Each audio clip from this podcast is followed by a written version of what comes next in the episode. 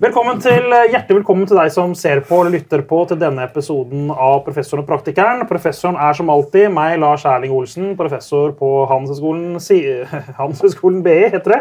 Der jeg jobber. Og ved min side står eh, Hva heter du igjen? Alf Bendik Sånn var det, ja. I firmaet Marketing eh, Practice Best. Noe sånt. Noe sånt. Eh, I hvert fall så er du min makker, og du er praktikeren i denne bransjen. Ok, folkens. Eh, under pandemien så var det ganske mange bransjer som ble rammet ganske hardt. Men det rammet ganske ulikt. Noen næringer ble rammet hardere enn andre. Og andre hadde selvfølgelig stor vekst og etterspørsel. En av de næringene som ble rammet ganske hardt, det var reiselivsbransjen. Og kanskje spesielt flybransjen. For dere som husker godt, vi sluttet jo faktisk å fly, og vi sluttet å reise. Og I dette avsnittet så har vi lyst til å snakke litt om eh, krise, litt om omstilling, og hvordan man på en måte bruker slike muligheter til å bygge sterke merkevarer. Og Derfor har vi invitert deg, eh, Kai Grieg Toyomasu. Du er da senior vice president i Norwegian, for å komme til å snakke med oss om hvordan dere opplevde pandemien, eh, hvordan det gikk, hva har dere gjort etterpå, hva har dere lært, osv. En liten sånn pandemispesial, men egentlig skal vi prøve å se litt fremover og se hva dette betyr også for Norwegian fremover. Så ok, La oss eh, spole tilbake nesten tre år i tid. Hvordan opplevde dere 12.3.2020 når covid-19 rammet landet? Hva skjedde hos Norwegian da? Nei, eh, For vår del så hadde jo altså Krisen hadde jo begynt lenge før covid kom. Okay. Altså, vi var jo på vei inn i en krise. Vi var eh, Sommeren før så hadde vi så jo an til å ligge an til den beste sommeren noensinne. Alt så bra ut. Og så begynte disse flyene å falle ned. Vi hadde bestilt eh, Max-fly fra Boeing. Ja, som begynte å strømme. Ja. Eh, ja, ikke sant? Og så hadde vi eh, bestilt uh, noen fly fra noen andre fly hvor motorene ikke fungerte. noen Rolls-Royce-motorer osv. Det er litt dumt på fly at det er litt dumt, det er ganske store penger. Og når du skal sette disse flyene på bakken, uh, så har de jo solgt en del billetter. Vi selger jo frem i tid. Og da måtte, da måtte vi leie inn det som heter wetlease. Wetlease det er fly, gjerne et østeuropeisk fly med østeuropeisk mannskap, med folk som skal kjøre to-tre turer for oss og ta unna noen passasjerer, mm. Eh, som ikke føler seg så nære merkevaren eller kundeopplevelsen. Dette er ofte gamle fly som ikke holder rutetabellene osv. Så, videre, og så, videre. så, ja, så vi var i krise. Ja. Vi. vi var nærmest konkurs vi, uh, før covid kom. Ja, så, da, så, kom da, covid. så kom covid. Så da var det kakefest 8. mars, da? For nå er det sjanse Nei. Hva, hva, altså, hva, hva tenker dere liksom da? Nei, det var eh, Vi er jo vant til kriser. Ja. Og eh, alle flyselskap har jo hatt kriser. Det er jo, det er jo ofte reise, altså spesielt flybransjen det går utover. Mm. Når det er krig eller pandemier eller aske i luften eller et eller annet som skjer, så er det ofte flybransjen det går utover. Så vi er, vi er veldig vant til kriser. Veldig vant til mye kriseberedskap og, og sånn i korridoren hos oss. Ja, Hvordan har dere overlevd, da? Nei, altså Det viktigste altså Vi jo, hadde jo en genial ledelse. Og vi var jo kanskje litt heldige. Uh, det ble innført det som i USA heter Chapter 11, som er en uh, konkursbeskyttelse. under pandemien så ble det innført en lignende ordning, en rekonstruksjonsordning, i Norge. Eh, kort fortalt så betyr det at eh, hvis du går konkurs, så taper alle alt. Kreditorer, aksjonærer, ansatte, arbeidsplasser. Alt forsvinner. Eh, da er det kanskje bedre å få litt. Og da er det jo en dommer som styrer en rekonstruksjonsprosess, som forhandler med alle parter. Og hvis du får alle til å si at 'jeg får litt', i vårt tilfelle så var det kanskje at aksjonærene eller kreditorene satt igjen med 5 da, av verdien. Mm. Alternativet var ingenting. Mm. Så vi gikk gjennom det, eh, styrte gjennom en domstol i Irland og i Norge eh, parallelt. Og eh, kom oss gjennom det. Forhandlet gjeld med alle, eh, med alle de berørte, altså alle vi skyldte penger. Husker Vi satt og ringte. Vi begynte liksom på de vi skyldte 100 millioner. Og så var det ned på de vi 50 millioner. Og så var det liksom, ok, nå er vi nede på de vi skylder 10 millioner. Og så var det forhandla. Og så var det Noe av løsningen var å konvertere til aksjer. Eh, i et fremtidig nytt selskap. Eh, noen tjente penger, for de konverterte gjelden sin til aksjer og solgte da aksjekursen var på topp og fikk egentlig mer igjen enn vi skyldte dem. Mm -hmm. Andre tapte penger, for de gikk ikke med på dette her og osv. Så, videre. så det er uh, mange uh, historier i begge ender av den skalaen. Mm. Nå kommer Lærings Keiser, da? Som mm. boka, eller har den kommet? Det var jo Ja, det kommer sikkert noen bøker. Jeg gleder meg mer til TV-serien. For den da kommer? Du skal, du spille deg selv, eller? Jeg har søkt. Nei, Nei men de har, eh, det kom jo nettopp en bok eh, om Norwegian fra noen journalister som heter Turbulens, hvor, som også har, går veldig inn i denne, inn i denne perioden. Så skal ikke jeg eh, si noe om hva som stemmer og ikke stemmer i den boken, men det har kommet flere bøker om Norwegian, og det kommer sikkert flere etter hvert. Men eh, du jobber jo med markedsføring. Hva er markedsførerens rolle på den situasjonen du nå beskrev? da? For dette er jo veldig sånn juss og nedrestrukturering, eh, finans Det er jo eh, andre fagfelt som på en måte kanskje spiller hovedrollen.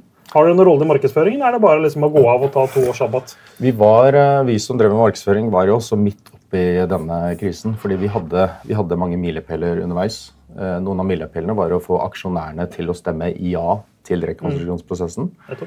Eh, vi hadde jo mye påvirkning på myndigheter, opinion osv. Slik at eh, vi Vi hadde en stor rolle i, i den prosessen eh, med å få ting, få ting gjennom. Og så har de jo masse sinte kunder. Eh, noen som er fly forbanna. Andre startet støttegrupper på Facebook. og det var folk som ville donere penger for å redde selskapet. Altså vanlige passasjerer. Så du hadde jo hele skalaen. Så det var noe med brand love for Norwegian der ute òg? Ekstremt. Det var det, altså. Ja, og det var, eh, var nesten sånn rørende. Jeg husker jeg hadde, eh, hadde møter internt hvor eh, altså Når disse meldingene kom opp altså Folk var eh, satt nesten med tårer i øynene, og det, de ga energi. Det var eh, utrolig hvor mye brand love, som du kaller det, er der ute. Men det er jo interessant da, at eh, liksom, i en sånn setting så, så får du jo Alt eksploderer jo, ikke sant? Mm. og da må man kanskje snu litt på dreieboka, eller er det, var det liksom de gamle, gode teknikkene hvordan man håndterer kunder som fortsatt fungerte, eller måtte du finne opp hjulet på nytt, eller hva? Ja, altså, hvordan, hvordan håndterte du dette her? Altså, når det kom så mye kundeklager, for det husker jeg veldig godt. Det var masse storm, ikke sant? Nei, det var eh, Du må jo ta beslutninger ganske raskt i en sånn situasjon. Eh, Jeg husker eh, den våren, altså rett før dette skjedde, så hadde SAS var jo i en krise. De hadde laget en reklamekampanje hvis jeg husker riktig, hvor de sa at uh, 'nothing is Scandinavian'. Mm, det? Eh, og det endte med, altså Den var så dårlig likt at det endte med bombetrusler i uh, ikke sant? Og Første dagen så gjorde vi litt narr av den og kom på Nytt på Nytt og med kampanjen vår osv. Eh, men etter hvert så måtte vi bare trekke tilbake, for da var det ikke noe gøy lenger. Nei, det var ganske alvorlige greier. Det var ganske alvorlige greier. Og, og da var jo vi i en situasjon inn i pandemien hvor eh, vi var heldige, for vi hadde så lite penger. Så vi hadde kjøpt, vi hadde bundet opp lite kapital i, eh, i betalte flater. Eh, Så vi kunne kjøre veldig mye av de eh, eh, markeds- og kampanjeaktivitetene ned. Det kunne ikke SAS. Så denne kampanjen fortsatte jo liksom å rulle og gå inn i pandemien med dette bakteppet osv. Mm. Og det sier litt om den eh, hvor agil og hvor raske de beslutningene må tas. da. Så det var ikke tid for de lange utredningene da. Akkurat da så var det, var det ikke det. Nei. Hva har dere lært av dette? her? Altså, nå har vi liksom kommet oss gjennom dette. Dere har, dere har overlevd. Det var ikke gitt på et tidspunkt at dere skulle overleve, men det gjorde dere. Eh, jobber dere annerledes nå enn det hva dere gjorde før pandemien? Det var jo en uh, mulighet til å rekonstruere selskapet og bygge det opp med en litt annen struktur og tilpasse. Vi hadde jo um, eh, hvor vi fløy. altså Vi fløy innenriks i Argentina. altså Det kom jo fly inn hele tiden. ikke sant? Raskere enn vi rakk å sette dem på bakken og få landingstillatelser.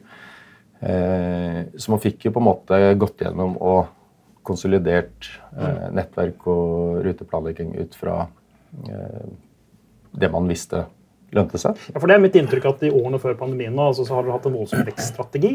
Ja. Eh, Er den liksom tatt litt ned nå?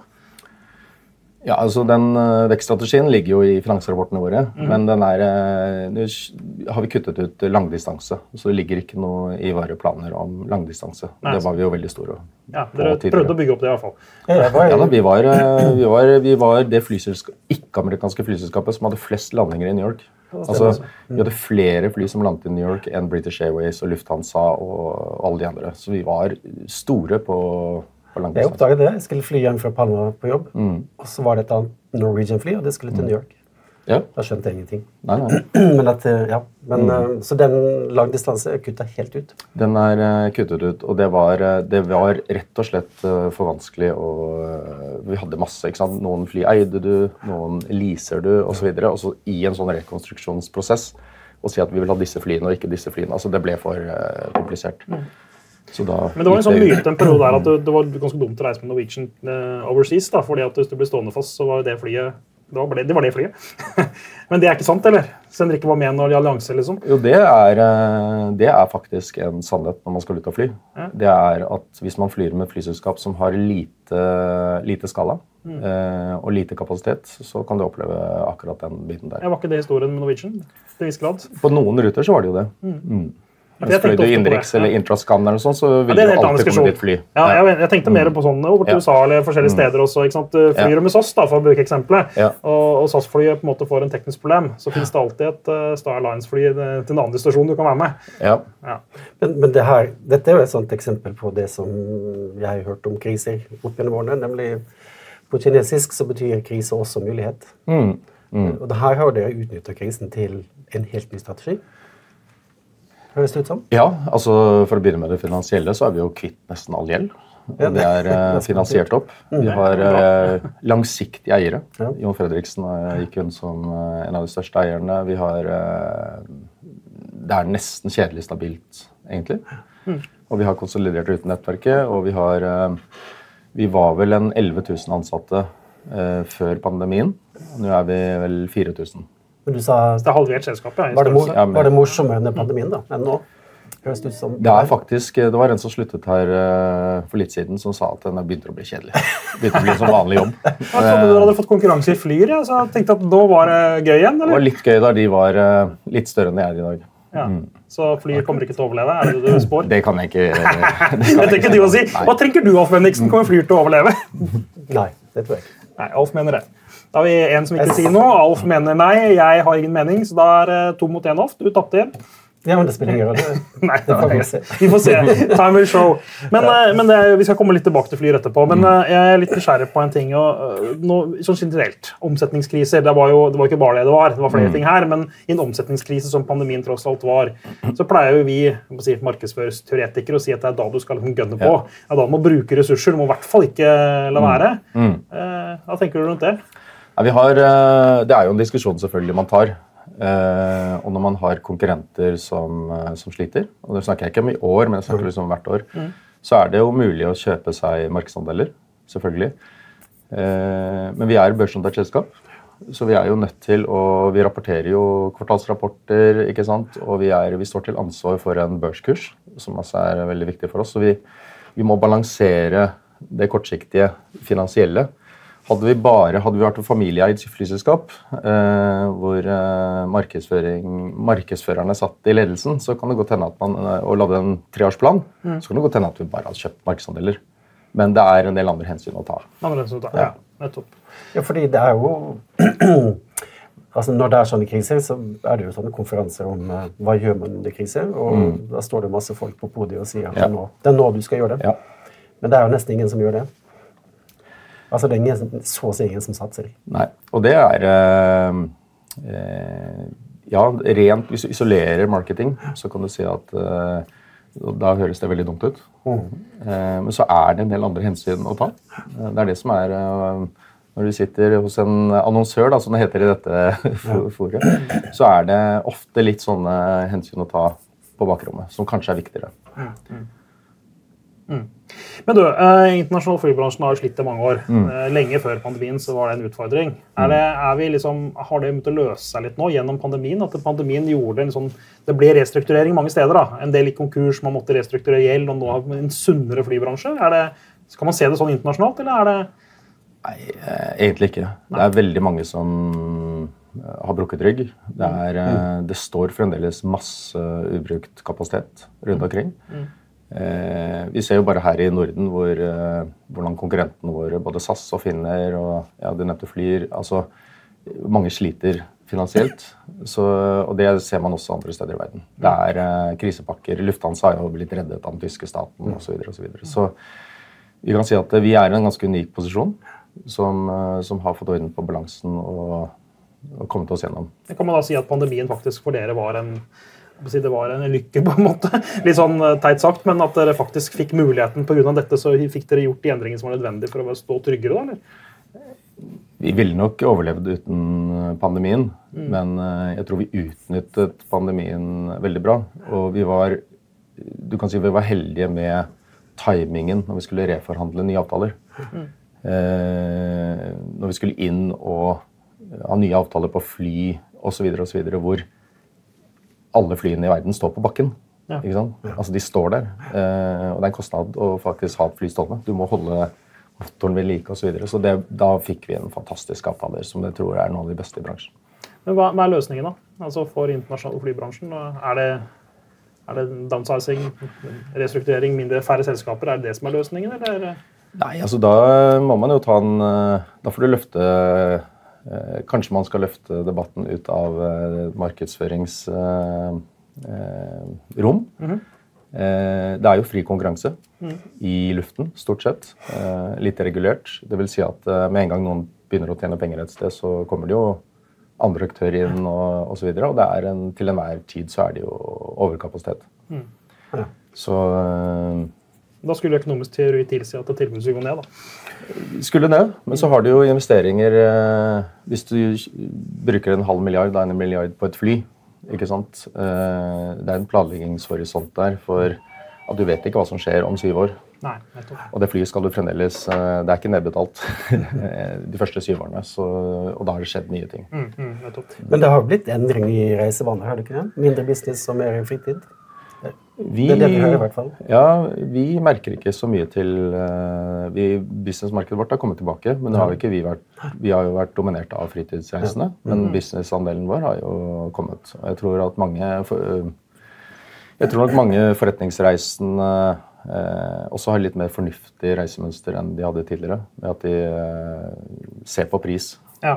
Og kanskje Ja, vi, ta noen mer digitale møter enn å reise alltid. Ja, men vi merker jo det at eh, bedrifter som vi jobber med sånn i Norden, de, det er begrensning på hvor mye man får lov til å reise. Du Ja. får rett og slett, altså, Du skal helst ikke Ja. reise. Nei, Vi har jo hatt en eventyrlig sommer, og i år har vi jo fylt flyene til de grader. Eh, Det vi kan si at reisemønsteret er jo eh, Folk planlegger ikke så langt frem i tid som man gjorde tidligere. Så vi har andre salgssykluser, eh, og de er også påvirket av krig, inflasjon, Ja, kjøpekraft osv. Er det bærekraft i bildet her òg, eller? ja, det Bærekraft er Vi har eh, eh, Vi følger med på bærekraft, og vi har en bærekraftstrategi. Eh, vi håper jo på at bærekraft skal bli et Skal komme lenger opp i beslutningsmønster når du velger flyselskap. Det er jo Så det er eh, ikke så høyt i dag. Folk velger ikke flyselskap på- basert på det. altså. Altfor lite i Norge, egentlig. Eh, I Sverige så er det mange som eh, så, så er preferansen altså preferansen for flyselskap eh, er ganske høy på bærekraft, men vi ser ikke det i atferd når du faktisk kjøper Men er det noen forskjell på flyselskap? da? Er ikke et fly et Nei, det er, og... det er ganske stor forskjell. Det er forskjell, Okay. Det var noen av de største forskjellene da vi fløy langdistanse. og du kunne, Da kunne du fly fra Oslo til New York med oss. Eller så kunne du fly med en konkurrent på business, hvis du bare tar ytterpunktene. Da har du 70% mer utslipp på den turen. 70 70 Det var det, det verste, det var liksom den verste forskjellen. ja. Og det er, det er teknisk eh, forskjell på flyene da, som er grunnen? de er konfigurert. ikke sant? Du kan tenke deg Hvis du, hvis du flyr rundt med gratis midtseter, business class, store vindkjellere, mm, masse sånn, mat Ja, ja, selvfølgelig. Ja. eh, og eldre fly Så du tenker liksom på en måte utslipp per passasjer du nå, ikke sant? Er Bare så, Ja. jeg tror Ja, ikke, de, de flyene flyene kan ikke være så stor forskjell egentlig. Det er men- forskjell på det òg. Ja, det er forskjell på det. Ja, det er forskjell på det, ja. Så det er, eh, det er eh, der, Og der har vi vært litt for dårlige. Eh, og Vi diskuterte dette før pandemien, at vi var noen av de, i hvert fall her i Norden, som hadde minst utslipp. Eh, men vi fremsto ikke på det. Det er mye grønnvasking i, i, i bransjen, så vi, vi gjorde en litt dårlig jobb på det. Men eh, vi håper jo på Vi har satt veldig aggressive mål på å kutte, eh, kutte utslipp. Eh, veldig aggressive. Og vi håper at det blir et uh, konkurransefortrinn. Ja. At, eh, spesielt innenfor bedrifter. At du ikke får lov til å sende altså statsansatte som kjører business class til uh, New York på skattebetalernes regning. Det er jo det er grotesk eh, på noen måter. ikke sant? Eh, de betaler tre ganger billetten for å få disse Altså, det, Før eller siden så må noen bare si stopp, tenker jeg. Ja. Yes. Ja, En ting er jo pengene, en annen ting er jo som sier utslippet. da. Da blir det ikke så mange reiser til New York, da. Det blir ikke så mange da. Nei. Nei, Ellers får du betale for den der eh, ekstra seteplassen selv. Ja, men, men det det høres ut som, det er jo at uh, den kundestrukturen som dere hadde før pandemien, det er den som er nå størst i bransjen. Så det er, det er jo litt flaks.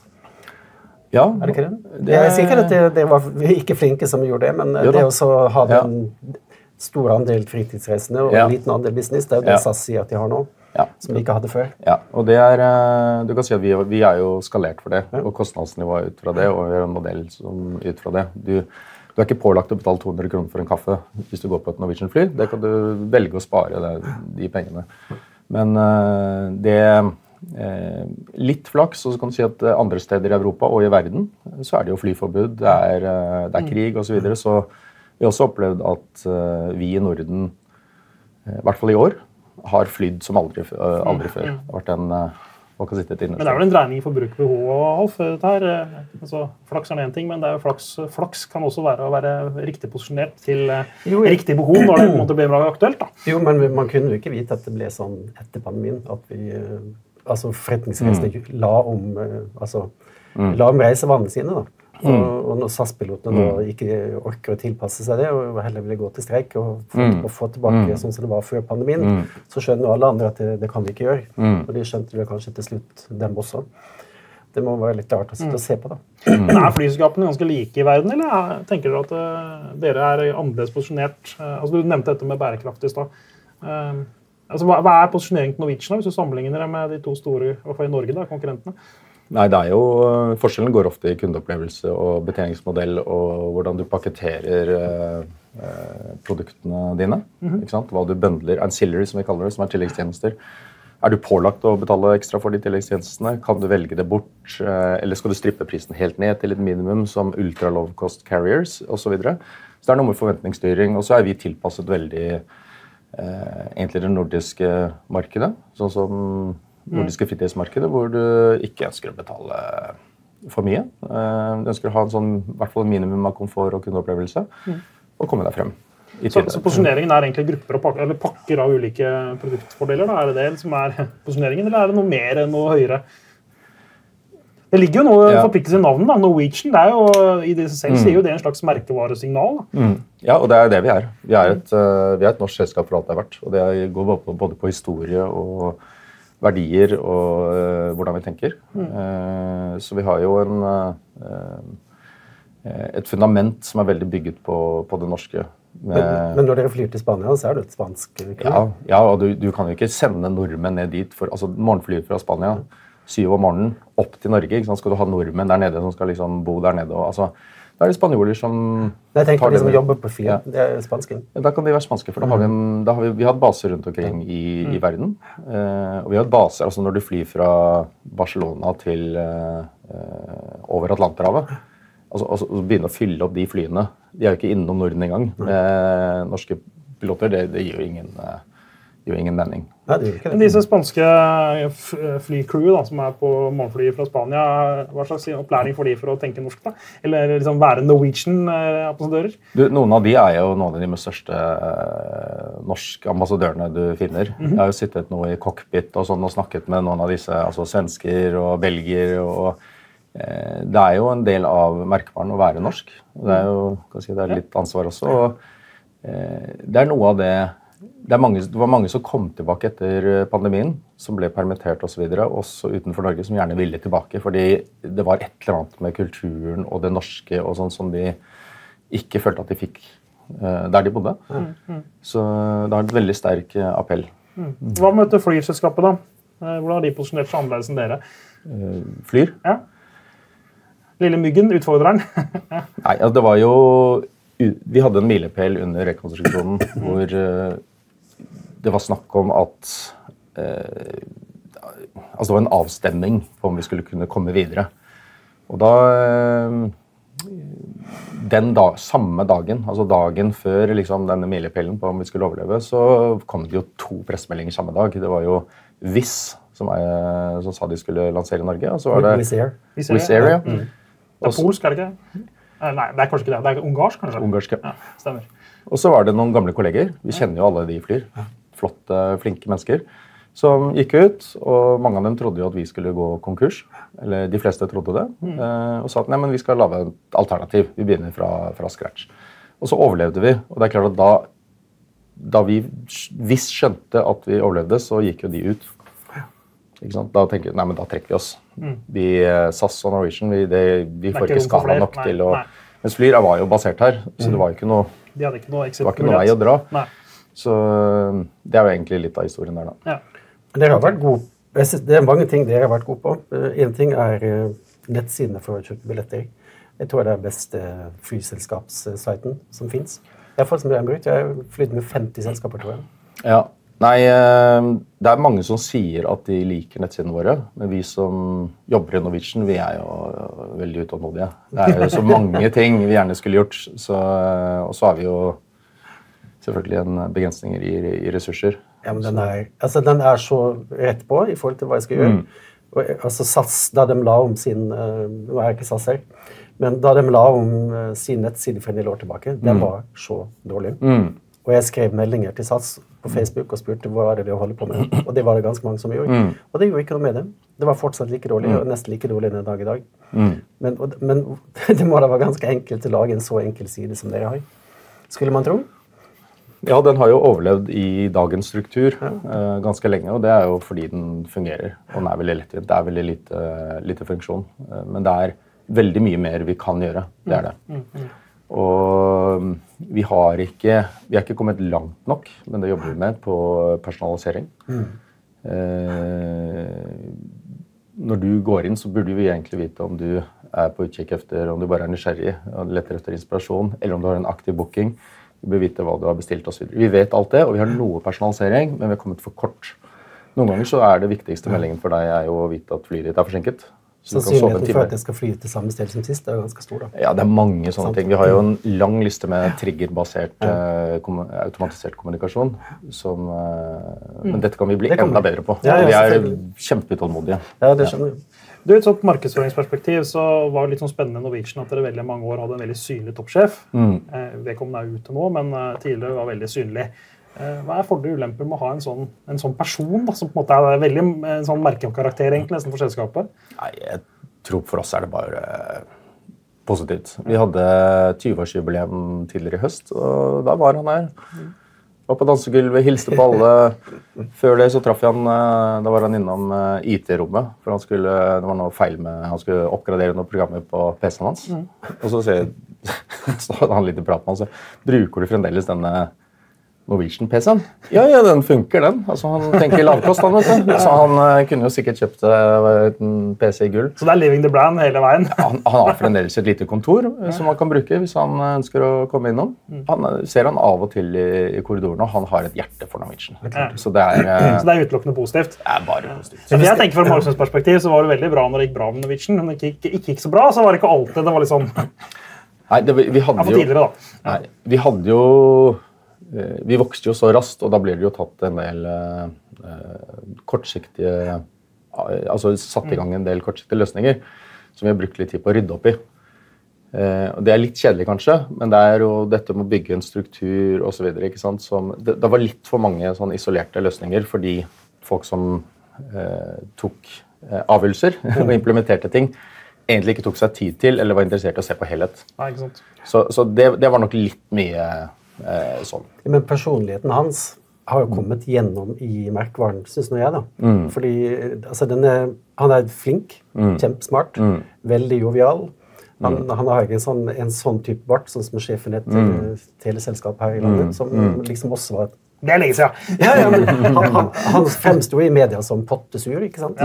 Bare pga. den barten. Han var ikke sikkert sur i det hele tatt. Men jeg husker jo Bjørn Kjos sa på TV en gang før han ble spurt da, om eh, er det virkelig sånn at uh, de signalene fra mobiltelefonen kan forstyrre mm. elementene sånn på flyet. Så sa han nei, det er jo ikke det, vet du. Nei, det er jo ikke det. Nei, det er jo ingen eh, Det er jo, det er jo helt umulig. Ja, men det bare å gi- seg sånn, fordi alle andre Ja. flyselskap ville jo sagt at det, det, det, det er best at du ikke bruker telefonen, men han, sa bare, han bare lo av det. ikke sant? Ja, ja, det er jo, men det er jo bare å le, egentlig. Men det du kan si, legges inn hans i kulturen, er jo at selv om vi er 4000 ansatte og børsnotert osv., så, videre, så det føles som vi jobber i en oppstartsselskap. Ja, fortsatt, ja. Ja, ja. Og det er, eh, det føles som, altså det er folk som har jobbet der eh, lenge, som fremdeles løper rundt som om de skal være Så det er en eh, gründerkultur? Det er en er det en del av suksessen, eller?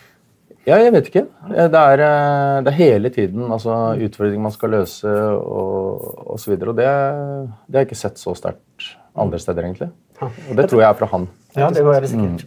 Du, jeg tenkte vi skulle avslutte, Kai. Altså, det er jo et børsnotert selskap. Så liksom, hvor, Hva skjer framover nå? Så at jeg og Alf kan få litt info her. Ja, nei, det kan, eh, kan jeg dessverre ikke si noe om. Det regner jeg egentlig med. Ok, Alf, Har du noe du har tenkt å tillegge? Er det... Jo, jeg har lyst til å si at um, Norwegian har vært veldig god på distinktive merkemarkører fra dag én. Med den røde snuten. Jeg husker han som var første markedsdirektør. Jeg husker hva han het for noe. En trommeslager og litt andre ting. Han sa i hvert fall at uh, hvis, altså det går ikke an når- du står på bakken og ser opp, så ser du ikke hvilket flyselskap det er. Det skal vi gjøre noe med. Vi skal ha rød snute. Altså, første, frem, altså første delen av flyet skal være rød. Uh, og når folk ser det, så vil de huske at det er Norwegian. Og jo oftere de ser Norwegian, så vil de tenke at det er fy flate, de har mange fly. altså. For alle andre vet jo ikke hva er. De husker bare den. Og det, Men det har de jo tatt ut i kommunikasjon òg. Det er litt sånn som The Economist i England. Det, På et halvt sekund så ser du at det er din reklame. da. Nei, jeg, Veldig bra. Jeg vil si at uh, flyene våre er ekstremt distinkte, og jeg syns de er så vakre. Altså, det, er, det er jo de vakreste flyene som omtrent er laget noensinne. Og, eh, og så er det så tydelig at du husker altså, Du vet jo at dette er Norwegian. Det er de norske fargene, blåfargen, hvit. ikke sant? Altså det, så du husker navnet. Altså, det er uh, vi er som ja. ja, det er kjempebra satt opp. Så bra. Eh, tusen takk for at du kom til oss i dag, eh, Kai Grieg Toyomaso, senior vice president i Norwegian. Um, og du der som så på, eh, takk for at du fulgte med. Og følg med neste uke også, for da kommer en ny og spennende episode i Professoren og praktikeren. Takk for i dag.